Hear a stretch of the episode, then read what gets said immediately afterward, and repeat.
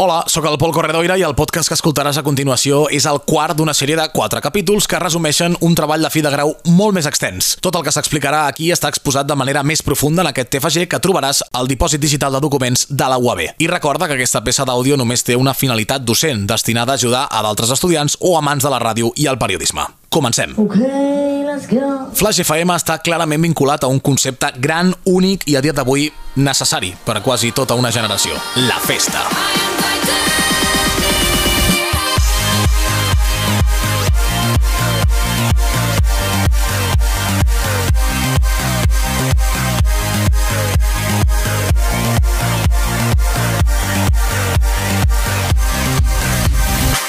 Al llarg de la nostra existència, la festa ha canviat de manera espectacular i amb ella la música que l'acompanya. L'evolució de les pistes de ball en les darreres dècades ha estat remarcable. Al treball de fi de grau que s'ha realitzat s'han tocat els tres gèneres musicals principals en aquest àmbit, en l'àmbit festiu, que de fet en són dos. Ara ho explicarem.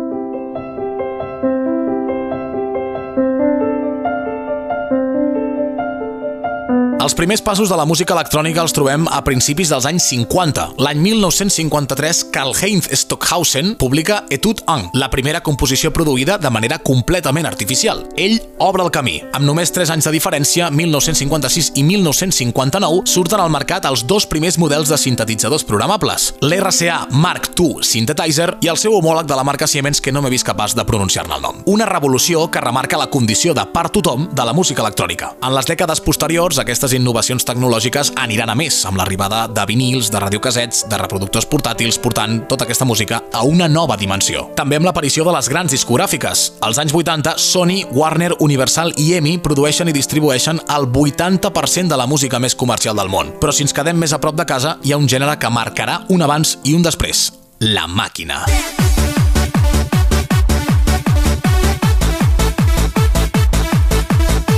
Van ser les discoteques valencianes les que van començar a punxar aquesta música de ritme potent i ininterromput que, unida a la joventut dels assistents i les drogues, generaven una experiència que ràpidament va guanyar popularitat i es va convertir en un moviment, la ruta del bacalao. Els catalans no només van voler formar part d'aquesta nova cultura de discoteca, viatjant fins als temples de la màquina, sinó que també van voler gaudir-ne a casa seva. Amb el pas dels anys, l'electrònica s'anirà perfeccionant i trobant nous estils i noves sonoritats, així com nous noms a l'escena.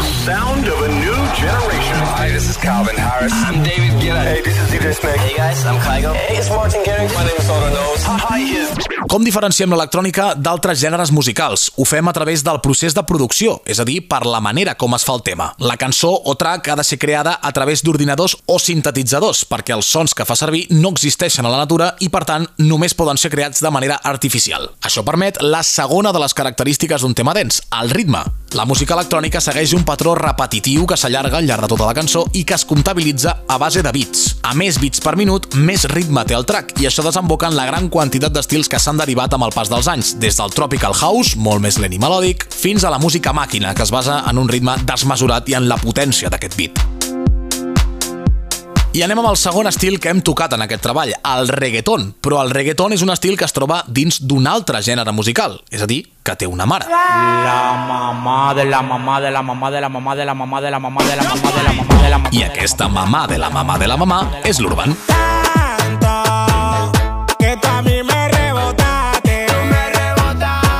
La música urbana és un gènere que comprèn diversos estils, com el rap, el hip-hop, el trap o el reggaeton, i tots els estils tenen una gran característica en comú, els temes que tracta. La precarietat laboral, les crisis econòmiques, la incertesa política, els moviments socials o la bretxa de gènere són temes que els joves han posat sobre la taula i que els artistes urbans, des de la seva pròpia visió i experiència, plasmen a les cançons que es fan, igual que el dance, per ordinador. I com hem dit, dins de l'urban un dels estils principals és, sens dubte, el reggaeton. Ella le gusta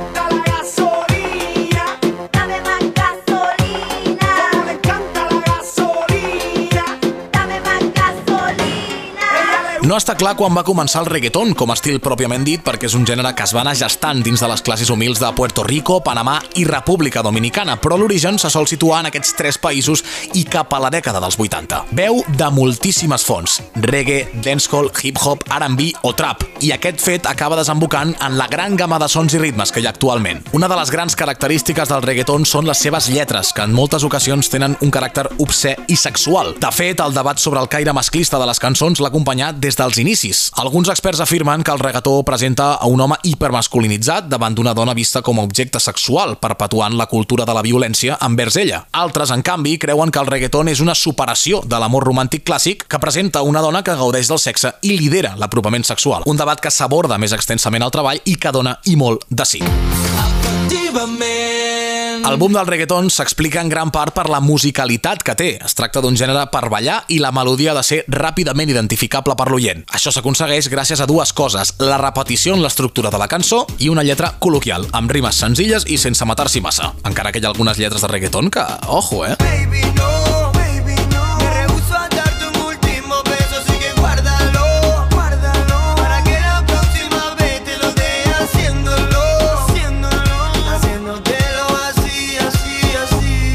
Tan diferents però amb una missió en comú, omplir les pistes de ball, discoteques i festivals de música i, de pas, descobrir el significat del verb reusar.